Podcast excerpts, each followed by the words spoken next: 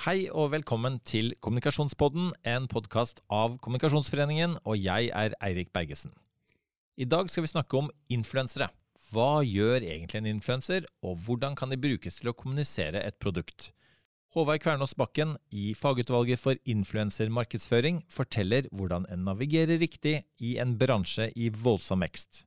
Cornelia Minsås deler sine erfaringer både foran og bak kulissene som DNB Ung-influenser. Da vil jeg ønske velkommen inn i studio til deg, Håvard Kvernås Bakken. Takk for det. Du er, eh, ja, Til vanlig er du fagdirektør i Annonsørforeningen, ANFO. Eh, og så er du her i dag eh, aller mest fordi du også er sekretariatsleder i fagutvalget for influensermarkedsføring. Det er helt korrekt. Og da har jeg lyst til å begynne med å spørre deg altså hva er det som skiller bruken av influensere fra annen type markedsføring? Ikke for å gå altfor langt tilbake, men i gamle dager så var det jo sånn at det var kirken og staten og de tradisjonelle mediene som kunne kommunisere ting, ikke sant? og det gjaldt også reklame. Men nå er det jo sånn at enhver kan være sin egen journalist, men også enhver kan være sin egen markedsføringsplattform. Og det er da man da eh, kom fram til at ja, jøss, her er det jo også lurt å bruke da noen som på, av en eller annen grunn har litt større rekkevidde eh, og kan vise at man da kan oppnå et større engasjement enn andre, til da å fremme eh, ulike produkter og tjenester. For det er en god idé å, å, å, bruke folk på den måten? Det er ikke dumt. fordi det, Hvis vi tar opp markedsføringsboka og sosial psykologiboka, så er det jo en gang slik da, at uh, man stoler mer på naboen enn man gjør på en selger. Så jeg, jeg har jobba med reklame i mange år, og jeg husker jeg jobba i et uh, litt større reklamebyrå rundt årtusenskiftet. Nå høres jeg veldig gammel ut, men det er jeg også. Eh, så var det jo sånn at vi ga jo da noen av disse aller kuleste gutta på, i Bogstadveien der eh, gratis jeans, olabukser, for da å fremme det å fremsnakke dem i sosiale sammenhenger på puber og restauranter og nattklubber osv. Uh, men det var jo svak rekkevidde på den type markedsføring, da. Nå fikk vi jo da digitaliseringen, vi fikk internett, og, og uh, vi fikk da også influensemarkedsføring i en annen form. Ja, og, og, for Det som nå har skjedd, er at det har blitt en stor industri, dette med altså, influenserbasert markedsføring. Um, og, og det, er, det, er mye, det, er, en stor økonomi også. Det er mye, mye penger uh, inne i bildet. Uh, det er mye penger. Uh, vi gjorde noen beregninger. Jeg presenterte de for uh, Vixen Awards, faktisk, i, anledning til det. Og IRM, som er et svensk analyseinstitutt innenfor dette som går på mediemålinger, har da regnet seg fram til at en, at veksten er stor år for år, ca. 20% men om at nå da i neste år kommer seg nok opp en 300 millioner reklamekroner. da. Og så skal man da, som en sånn asterisk her, også tenke eller vite det at det er litt vanskelig å regne ut, for at det er så mange kilder. Det er så mange ulike plattformer. Uh, og noen ganger så er det sånn at influenseren legger ut ting selv, ikke sant, spons, og så er det sponset innlegg, og så opptrer kanskje samme influenser på TV-program, og så glir alle disse strømmene på en måte inn i hverandre, og det er litt vanskelig å skille og regne ut. Uh, men hvis vi holder oss i hvert fall til et tall, f.eks. 300 millioner, og så tenker vi også at uh, kanskje total, eller ikke bare kanskje, men har regnet ut totalmarkedet, altså den totale reklamekaka i Norge, Uh, hvis vi tar med spons og arrangementer, sånn, så er vi oppe i 26 milliarder. Så ender vi opp da med drøye 1 da, 1,2% Så i den sammenheng så er ikke influensmarkedsføring kjempestort ennå. Men den har høyere veksttakt enn svært mange andre uh, påvirkningsplattformer eller mediekanaler. Uh, så den kommer til å ta igjen uh, Den er jo på høyere enn kino, den nærmer seg radio ikke sant, og en del andre Eh, mindre eh, mediekanaler da, når det kommer til markedsføringskroner. Alle bruker, eller vurderer å bruke influensere i, i, disse dager. Eh, og, og, de ser åpenbart at det lønner seg. At det, de kronene de investerer etter, får de tilbake på en eller annen måte. Enhver markedsfører ønsker å se en altså Vi kaller det ROI, at man får igjen gjerne mer da, enn det man har investert. Det er jo derfor man bruker penger på dette ikke arrestere deg, men altså, annonsørene sier selv, jeg har gjort egen undersøkelse på det, og ni av ti annonsører sier at det, de har, det, er besværlig på en måte å regne hjem uh, effekten. Mm. Uh, og Det er fordi det er vanskelig å beregne effekten, og så man blir usikker. Det kan godt mulig at enkeltkampanjer og noen av de ageringer man gjør i forhold til uh, influensemarkedsføring lønner seg, men det er ofte vanskelig å finne hvorvidt det lønner seg eller ikke.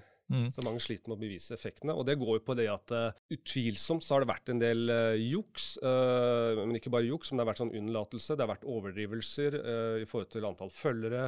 Ikke så merkelig heller. I en, en bransje som er i ferd med å på en måte utfolde seg, en litt umoden bransje, så har det jo vært utfordringer med det med å hente hjem eller hente inn tall. Uh, man har drevet litt sånn juks og fanteri. Man har overdrevet antall følgere. Uh, og Det er vanskelig å finne de reelle effekttallene i, i, mange sammenhenger. og Det har jo også bransjen fått kritikk for, at de må skjerpe seg på det som går på dokumentasjon. Uh, og utenfor å bli for nølete i forhold til det som går på effektmålinger og reklame, da, så har man ofte uh, i for sterk grad kanskje bare betonet dette som går på de mer mellomliggende variabler, som er kun, antall følgere, kun antall klikk og sånn, så stoppet der, da. Uh, men all den tid relativt store merkevarebedrifter i Norge fortsatt uh, velger å bruke influensemarkedsføring, iallfall en del. Min undersøkelse viser 50 så, så vil jeg jo tro da at de har sett positive effekter av den type innsats. Mm. Og, og, når du er inne på dette med juks og fanteri, så, så, da passer det å gå inn på dette med, med FIM, da, som er fagutvalget for influensermarkedsføring, som ble satt i gang eh, i, i 2019. Du har vært med der siden eh, nå i sommer. Eh, hvor, hvor, hensikten var rett og slett å prøve å rydde litt opp i det hele. Altså, hvorfor ble det etablert? man ønsket også å ansvarliggjøre bransjen. Uh, man så en utvikling uh, som ikke var heldig, sånn som uh, vi i Anfo så det. Men vi fikk jo også med oss støtte fra Forbrukertilsynet, Barne- og familiedepartementet og Mediatilsynet. Og vi har også støtte fra Barneombudet sånn sett. Så det er jo mange som heier oss på det. Så vi ønsket også å ansvarliggjøre bransjen da, i forhold til det at svært mange unge opplever økt utseende og kroppspress. Uh, og den trenden har jo økt. og vi har også urovekkende tall som går på psykisk helse osv. Videre. så vi har i alle fall ønsker å bare jobbe innenfor den firkanten som vi på en måte kan, kan gjøre noe med. da. Mm. Og her kommer enda et sånn er det ikke slik at-spørsmål.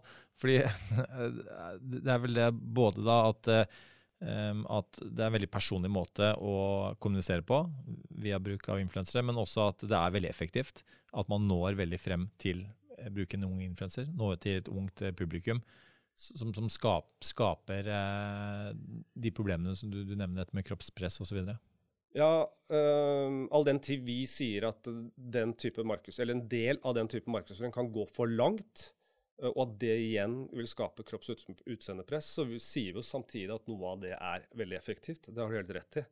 Uh, og det man må tenke på da, at det er jo handlingen her som altså Det skaper på en måte eksternaliteter. Da. Det skaper eksterne ringvirkninger som ikke enkeltaktøren på en måte er bevisst. da. Og Derfor ønsker vi jo på en måte å rydde opp mer uh, innenfor det feltet, sånn at uh, en, at det virker avskrekkende, avskrekkende, men også på en måte opplærende i forhold til at det er noen grenser her, og noen på en måte bør gjøre den jobben, da, mener vi. Og Når du da sier at uh, halvparten uh, bruker den type um, kommunikasjon, uh, og at det bare øker, og det øker raskt, så vil man jo tro at mange av oss er veldig glad for at det, det, blir en debatt rundt det, at det er en kontrollfunksjon via FIM. Men, men dere har også møtt, møtt, møtt, litt kritikk også. Hvordan vil du beskrive de reaksjonene som man, man har fått på, på, at utvalget ble etablert? Uh, en så vil jeg si at jeg får veldig mange e-poster i min innboks fra foreldre, tenåringsforeldre osv. som er veldig glad for ordningen. Uh, og så har vi fått uh, også gode tilbakemeldinger. Det var jo støtte fra bransjen her, nettverkene og annonsørene. Uh, og så skal det sies at um, Mediebusiness Landsforening, MBL, da, og Anfo, som står bak ordningen sånn sett, ingen av de medlemmene de oppfører seg så å si nesten altså, veldig bra. Men så er det jo da enkelte influensere som går for langt, og ikke bare én gang, men flere ganger på rad. Uh, og de, de, blir jo selvfølgelig sure, de blir skuffa og de blir forbanna. Uh, og så er det sikkert at noen saker hvor også, også næringsaktører også blir skadelidende. I og med at de får, altså det blir mye dekning og pressedekning på enkelte saker. Men Har, har du et inntrykk av at uh, det, det, er sånn generalisering her, men uh, at mange prøver å lure, eller er det noen som måtte, ikke er, er, de er for uerfarne, de er for lite bevisste på hva de gjør, at de ender opp med å, med å lure? Altså jeg vil ikke kalle det, altså Lure er nesten litt sånn svakt uttrykk her, altså, men vi ønsker også å si til bransjen at hei, husk på det at nå er det en del unge jenter som blir eksponert for det innholdet dere skaper her.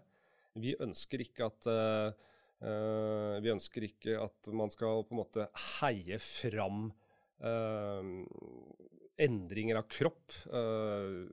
endringer, altså, ta, altså nærmest operere ut ribbein osv. Nå tar jeg det helt ekstreme, da, men det er, det er lett å å så ekstremisere rundt det. Men, uh, og det, det, ønsker vi å gi en beskjed om. Uh, men så er det jo også andre som da Vi har jo en skal her, og all, hver, hver, sak på en måte er en helhetsvurdering.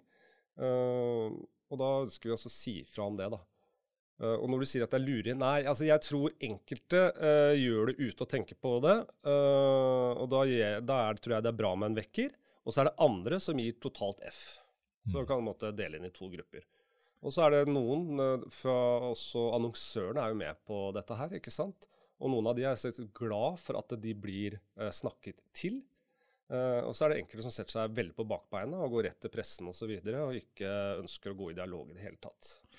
Og så er det samtidig noen som sier at de ønsker nettopp dialog. At når de får en måtte bli felt eh, hos dere, så hadde de satt pris på at eh, det var en dialog i forkant som gjør at man kunne lære litt av hverandre. Hva sier du til den type tilbakemelding? Ja, nettopp derfor så etablerte vi jo da parallelt med den ordningen som vi har snakket om, også en ordning som går på at man kan ha en forhåndsvurdering av, uh, av poster, da, eller, eller det, det, man ønsker å fremme, og hvorvidt det er akseptabelt eller ikke i forhold til våre retningslinjer.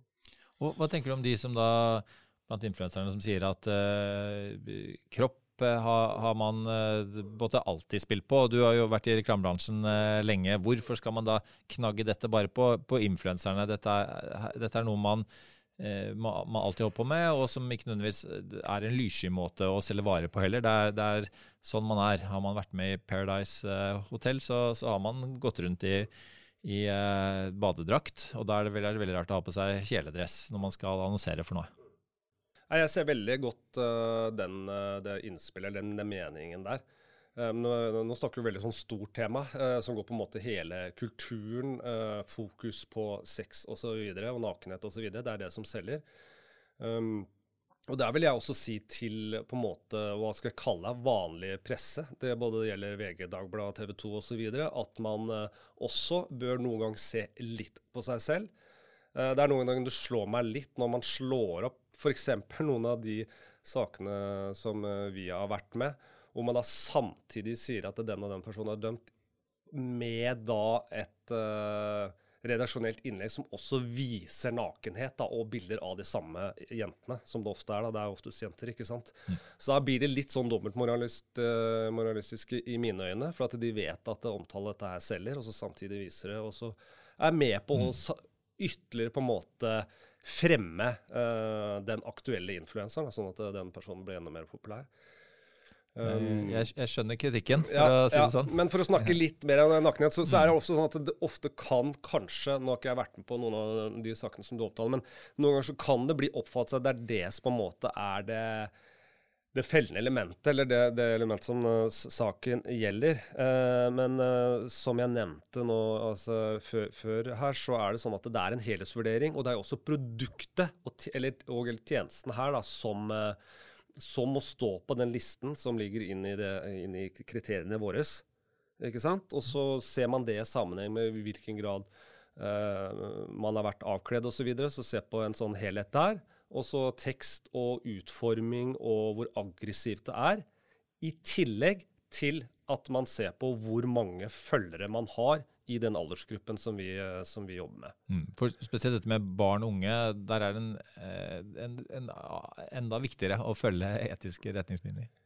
Ja, Det er jo derfor vi har ordningen. For at det er vi ser på barn og unge som er da en sårbar gruppe, eh, som utsettes for et massivt press. Og det er det svært mange som er enig med også, eh, med oss.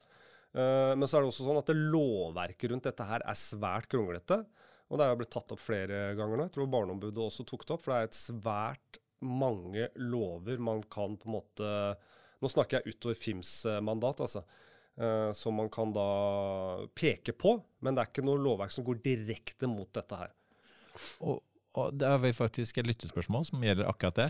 Altså Er regelverket vi bruker i dag uh, utdatert? Er det for mange smutthull f.eks. i markedsføringsloven når det gjelder barn og unge? Altså, nå er ikke jeg jurist, og kanskje en jurist ville si nei, for det er ofte lover uh, er liksom, liksom brede tekstuelt, da, sånn at de egentlig kan favne veldig mye mer enn det det kan virke som. Men akkurat når du går på dette her uh, som vi snakker om nå, så tror jeg det er noe utdatert. Det tror jeg jeg kan si. Uh, og det gjelder jo ofte mye av innhold i, på digitale plattformer osv., hvor da lovverket ligger etter både den teknologiske utviklingen og samfunnsutviklingen generelt. Hvis vi skal oppsummere litt på slutten her, eh, og hvis man tenker seg at eh, her er det både en, eh, en bedrift, en organisasjon, som ønsker, har de beste hensikter mm. med å bruke influensere, mm. og en influenser som har de beste hensikter med, med å samarbeide. Hva, hvilke ting vil du holde frem eh, som er viktig for de å tenke på når de inngår et sånn type kommunikasjonssamarbeid? Når du ser på innhold, så jeg tenker ofte sånn Hvis man tenker litt mer personlig rundt det, ikke forholder seg liksom til verken lovverk eller kriterier, eller sånne ting, men bare spør seg selv. Nå har jeg fire tenåringer til sammen, uh, litt sånn to pluss to-ordning. Men det gjør man at man tenker seg om. Og så er kanskje et sånn lakmustest eller sånn kjernespørsmål på det er, er dette en type innhold som jeg ønsker at min tenåring eller, eller datter eller tenåringssønn eh, skal bli eksponert for. Og så blir det jo ofte snakk om eh, tenåringssenter, eh, men vi har jo begge to tenåringsgutter. Og jeg fikk meg også en vekker i møte med Antidoping Norge for et par måneder siden. Mer søkelys på gutta i den sammenhengen her, men vi er jo avhengig av å få inn klager. Det er jo klageinnfanget som på en måte bestemmer hvilke klager eller eh, hvilke saker vi tar opp.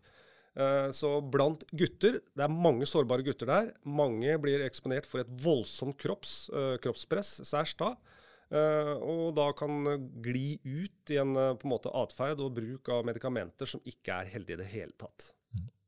Tusen takk skal du ha for at du var med oss her i dag, Håvard Kvernås Bakken. Tusen takk for invitasjonen. Da skal vi snakke om influensere, og da har vi med oss for å få til det en influenser, deg, Cornelia Minsås. Hei og velkommen. Hallo, hallo. du eh, sitter oppe i Trondheim akkurat nå, ja. eh, men skal denne uken begynne i ny jobb som innholdsrådgiver i kommunikasjonsbyrået Sandum og Bergestuen. Fordi det du har gjort til nå, er å ha jobbet som influenser og innholdsprodusent selv. Og kanskje spesielt for DNB Ung mm. har du vært en, en type en ambassadør. Ja, jeg har vært eh, frontfigur for DNB Ung-satsinga. Og så har jeg jo jobba generelt i hele DNB-universet da, med innhold på tvers av kampanjer og satsingsområder, som Silje Sandmæl eller Hun investerer i kampanjen. Og Hvis vi tar ett et skritt tilbake da, før vi snakker om, måte, om, om hva du har gjort der, og hva du skal ta med deg videre for å hjelpe andre, Altså, hva er egentlig, for det tror jeg mange fortsatt lurer på, Cornelia, hva er en influenser? En influenser det er, det, det er jo en digital opinionsleder. Noen som folk syns er interessant og vil høre på. Og når eh, bedrifter da la merke til hvor mye påvirkningskraft de har, så har det blitt veldig attraktivt å, å sende masse produkter i postkassa til de her influenserne, som kan promotere det videre i sine kanaler. Ja, fordi eh, de, de påvirker, og de blir lyttet til. Men hva er det de faktisk gjør, f.eks. da når de jobber med en bedrift? Det krever mye tid, energi, eh, ikke minst planlegging for godt innhold. Og det er det ikke så mange som tenker over når de ser et bilde på Instagram. Det kan godt kreves at man må bruke noen timer på å sminke seg, få hjelp til å skaffe fotograf. Eh, sørge for at eh, den eh, reklamen man skal dele, er troverdig og ikke minst har en relevans for både seg sjøl og følgerne sine. Og så har det jo også med hvor mye effekt denne reklamen har i etterkant. Så det er viktig å se hvor effektivt innholdet man lager også er. Så for eksempel hvis du tenker at eh, altså forskjellen på at Therese Johaug og Sofie Elise da, reklamerer for samme produkt, hva er det som skiller de, de to? Er det, er det det at, måte, at Sofie Elise må ta ansvar for en, mer en del av helheten, mens Therese Johaug dukker opp eh, nærmest eh, på jobb og lar seg bli tatt bilde av? Ja, det er litt interessant, for jeg husker til og med på, på videregående skole, da lærte vi jo at kjendiser har jo en eh, stor eh, påvirkningskraft. Men så ble det jo mer og mer populært at enkelte personer begynte å blogge og dele av sitt eget liv og fikk seg en stor følgerskare. Så jeg tenker at det er akkurat like stort ansvar eh, hos enkeltpersoner som promoterer noe. Ja, fordi det Sofie Elise er skikkelig god på, det er jo å være en influenser. Altså, det er jo et håndverk som hun behersker da, bedre enn veldig mange andre, i og med at hun har såpass suksess med det. Nå viser du jo til en veldig stor influenser. Og det som er interessant, er at det har poppa opp flere og flere store influensere og mikroinfluensere de siste årene. Eh, Så det å bruke Sofie Elise som eksempel, det føler jeg nesten er litt utdatert nå, fordi hun har blitt en Mm. stor bedrift. Du nevner mikroinfluenser. Det er også en, en som ikke er like kjent og driver i samme skala. Er det det riktig å si? Ja, altså Når vi har lært hvor mye påvirkningskraft influensere har, så er det jo også dem som har kanskje 6000 følgere, men som når ut til en nisjemålgruppe som mange markedsførere har lyst til å treffe. Og da kan det ha veldig stor effekt å gjøre samarbeid med små personer eller profiler. Og en annen ting med mikroinfluensere er at mange av dem er ganske små. Og da er det vanskelig å vite hvor mye penger man kan ta, eller hva man er verdt. Og derfor er det kanskje billigere for markedsførere å samarbeide med mikroinfluensere til en veldig stor effekt av samarbeidet. Ja, og når man, når man har med influensere som kanskje ikke er så erfarne, og kanskje en oppdragsgiver som heller ikke har gjort dette i særlig grad før, hvilket, eh, hva er det som er viktig å tenke på der? Jeg tenker at eh, det markedsførere bør vite, det er jo at det å være en influenser og det å lage innhold, det er en tidkrevende jobb, spesielt om man skal lage mye innhold ofte. Eh, så det å sette gode føringer og retningslinjer for et trygt samarbeid for begge parter, det er viktig. Men det er jo sånn at så fort du bekker 1000 følgere, så kommer det plutselig mail om hei, vil du få to gratise plagg mot en rabattkode som kan gi deg litt inntekt? Og så ligger det ingen særlige føringer for om det her skal merkes. Er det reklame? Er det spons? Er det hashtag gifted? Når markedsførere inngår samarbeid med uerfarne profiler, er det veldig viktig at de, at de gir nyttig informasjon, sånn at samarbeidet går riktig for seg. Du var på en måte en type mikroinfluenser før du ble plukket opp eh, av DNB, og, og ble slett eh, DNB ung ambassadør. Kan ikke du fortelle litt om måte, den eh, reisen? Det var jo veldig artig, for jeg var jo på siste året mitt på utdanninga innen PR og markedskommunikasjon, og så søkte DNB to unge ambassadører som ikke hadde peiling på økonomi, og som likte å lage film, og det passa jo meg veldig godt. Så da sendte jeg inn en videosøknad og fikk den jobben, og først og fremst tenkte jeg jo herregud, hva er det jeg har blitt med på? Lager masse videoer om at jeg prøver å spare penger på mat, finne nyttige sparetips, eh, tjene raske penger osv. Men det her viste seg jo å være interessant for veldig mange. Og ikke minst så hjalp det jo veldig på å bygge omdømmet til DNB blant unge Og du holdt på i tre år, rett og tre år. Så nå sitter jeg igjen med veldig mange gode sparetips.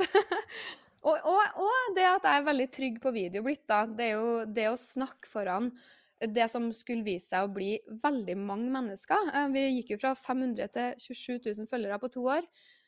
Ja, og så har du blitt veldig flink på, på innhold, rett og slett, og det å produsere innhold. For det også var også en del av jobben din. Det var ikke bare eh, at du snakka inn i et kamera. Nei, jeg har jo jobba mye bak kulissene også. Jeg har jo vært med å utvikle hele konseptet og jobba rundt kampanjer som Hun investerer. Eksempel var jo laga en artikkel som var en kjempebra inndrager til den. Så jeg har vært innom veldig mye forskjellig. Men det vi fant ut da, av den effekten, det å bygge opp egne influensere, det var at mine filmer var med på å forsterke og forenkle budskapene, spesielt mot unge, da, når vi gikk på med større kampanjer. Og så har du gått videre til å jobbe med andre typer kampanjer òg. Er det noen du vil trekke frem? Eh, når jeg fant ut at jeg ville jobbe med flere bedrifter, så fikk jeg også lage innhold for kule startups som Fjong og Equality Check. Og så har jeg jo funnet ut at jeg kan jo også være litt influenser sjøl. Så da har jeg jobba litt med Munkholm, og så har jeg eh, laga litt reklame om matsvinn, da, fordi jeg er veldig opptatt av å ikke kaste så mye mat. Så det har vært veldig interessant som egen influenser å fått innsikt i hva jeg leverer for andre. Ja, og, og hva når vi er inne på dette med verdien? Altså hvordan, hvordan måler eh, både influenseren og oppdragsgiveren verdien av, av det man leverer? Åh, det er faktisk veldig interessant, for det finnes jo så mange måter å samarbeide på. Men eh, det man bør være opptatt av, er hvor mange man når ut til, og ikke minst engasjement. Hvis du f.eks. deler en reel som nesten 30% ser hele av, da vet du at det videoinnholdet du har levert, er godt. Og det kan du bruke til å selge inn da til bedrifter du vil samarbeide med, og motsatt, hvis bedrifter ser at OK, du har kanskje 20 000 følgere, men du når bare ut til 5000, da bør man kanskje revurdere det samarbeidet. Men, men Cornelia, og, og du, du, har jo en, en, bygd opp en troverdighet gjennom eh, disse årene med, med samarbeid med, med, store aktører som ikke minst DNB, men også som du nevner Munkholm nå. Samtidig så vil det være noen som tenker kanskje ja, elsker hun egentlig Munkholm? Hvor mye kan man elske et alkoholfritt øl? Eh, og så har du, hører man nå historier om f.eks. Eh, pilotfrue som står fram i, ja. i dette influenserprogrammet og sier at eh, hun har eh, Eh, hun har eh, rett og slett markedsført en bok hun ikke hadde lest, en sjokolade hun ikke likte. Ja, Hva, hva sier du til de som, som, er litt i tvil, da? Eller kanskje om influensere som havner i en type sånn felle hvor de rett og slett ender opp med å markedsføre noe de ikke står inne for? Ja, altså det troverdighetsspørsmålet er jo kjempeinteressant. Um, spesielt når det kommer til penger, fordi at med tanke på troverdighet, da, når en profil begynner å bli stor, så får en jo kasta produktet etter seg. Og det både influensere bør tenke på, og markedsførere bør tenke på, er liksom hvor er relevansen? Og det er null problem for en influenser selv å gå ut og sende melding til dem man selv kunne ha tenkt å jobbe med. Fordi plutselig viser det seg at de vil sette av en del av sitt markedsføringsbudsjett på å prøve ut noe med deg. Og det bør også bedrifter tenke på. Har vi noen som passer godt inn i, i vår eh, type nisje, da, eller eh, som kunne ha promotert vårt brand på en troverdig måte.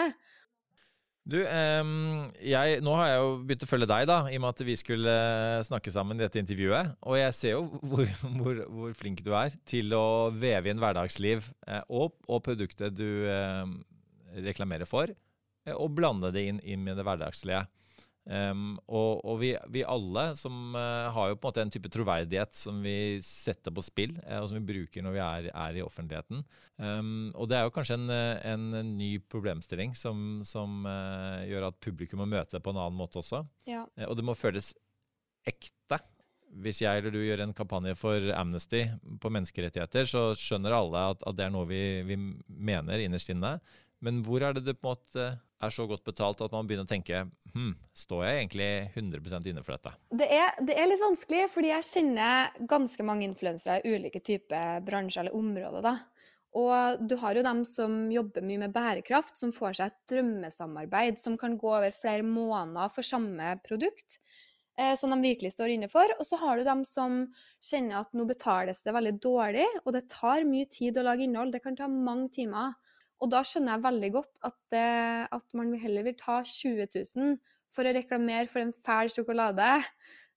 Det å smake og behag. Jeg liker ikke lakris. Hvis jeg hadde fått 50 000 Oi, det er et veldig interessant spørsmål. Hadde jeg villet reklamert for lakris hvis jeg fikk 50 000 for det? Ja, hva sa jeg Jeg tenker da, da vil jeg ha ordna en avtale der hva jeg bedømmer den lakrisen for, det er opp til meg, men jeg kan godt vise den fram. Og da ville jeg sagt å, fysj, den ekleste lakrisen jeg noen gang har smakt. Hva tenker dere? Nå skal du begynne å jobbe i kommunikasjonsbyrå. Tror du, hvorfor tror du du ble ansatt? Hva er det, de, det er et eller annet de, en kompetanse de ikke har, som de nå kjøper? Hva er den kompetansen? Ja, Det er jo kanskje det med den personlige kommunikasjonen og det å på en måte tørre å gjøre ting litt annerledes. Det er jeg ganske god på. å Være litt jordnær. Og det å nå nye målgrupper på, på kreative måter, da. Og tørre å utforske med sosiale medier. Det er jo veldig mange som følger en oppskrift. Man kan jo finne det mange plasser, men det å tørre å prøve litt nytt, og ikke minst feile, det er jo det som gjør oss også menneskelige. Det er jo det som er så herlig med sosiale medier. Vi vil jo se at det er mennesker bak der, framfor bare glansbilder.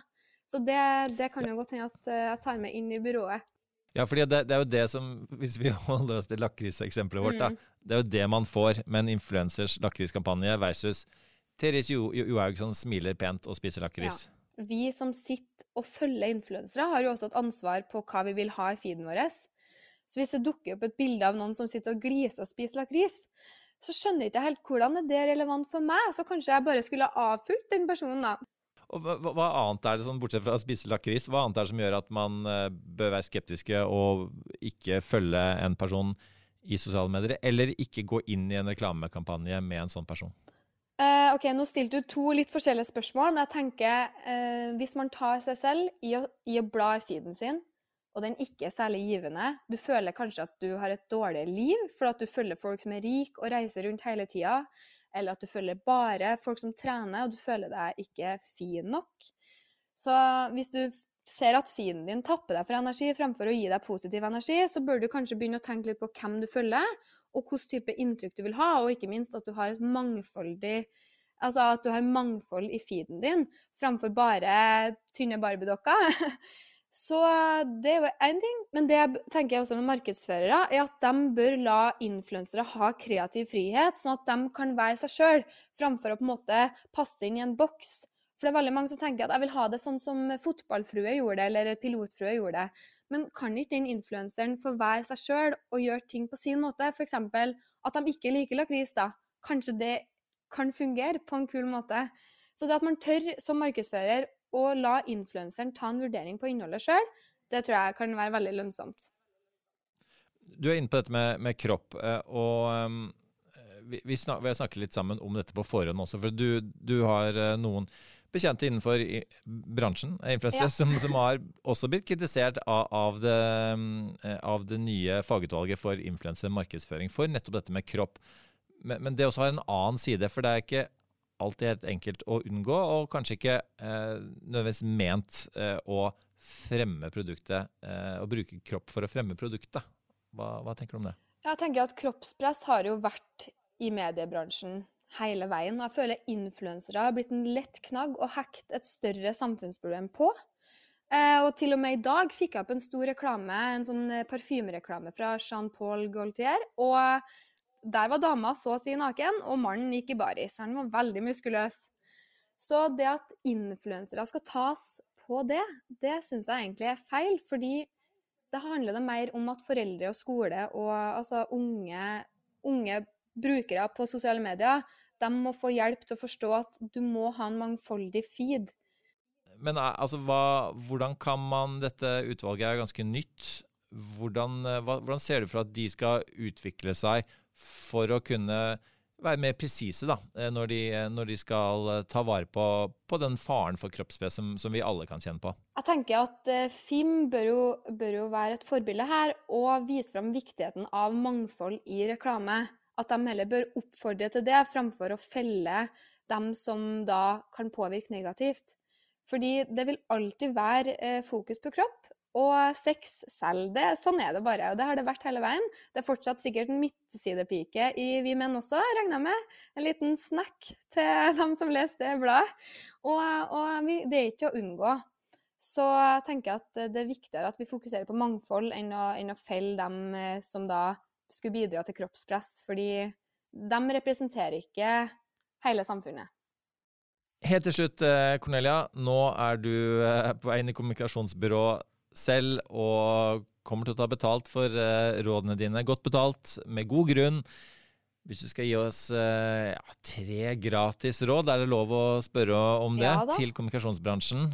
Hva er det viktigste de må tenke på når de skal eh, ha en influenserdrevet kampanje? Jeg tenker det er viktig å investere i gode, trygge samarbeid som gagner begge parter. Eh, jobb med organisk godt innhold, fordi det er veldig viktig å ha godt innhold i bunn og grunn, fremfor bare det som skal gå eh, sponsa. Og det å tørre å prøve nye ting, og utradisjonelle samarbeid. fordi at ærlig og personlig er gjerne litt sårbart, og det som feiler, det er ikke nødvendigvis negativt, det er bare menneskelig. Det høres ut som du allerede er godt i gang med innholdsrådgivningen til din nye arbeidsgiver eh, Cornelia. Eh, tusen takk for at du var med oss i dag. Tusen takk for at jeg fikk komme. Takk også til deg som hører på. Mitt navn er Eirik Bergesen. I redaksjonen har jeg med meg Anders Ringen, Malin Sundby Revå og redaktør Mari Mellum. Podkasten er laget med støtte fra Fritt Ord. Dette var sesongens siste episode. Gå gjerne tilbake og lytt til de tidligere episodene, hvor du bl.a. kan høre aktuell kunnskap om forskningsformidling, lyd som virkemiddel og lobbyister i nytt politisk landskap. God lytting! Du har hørt en podkast fra Kommunikasjonsforeningen. Les mer om oss på kommunikasjon.no.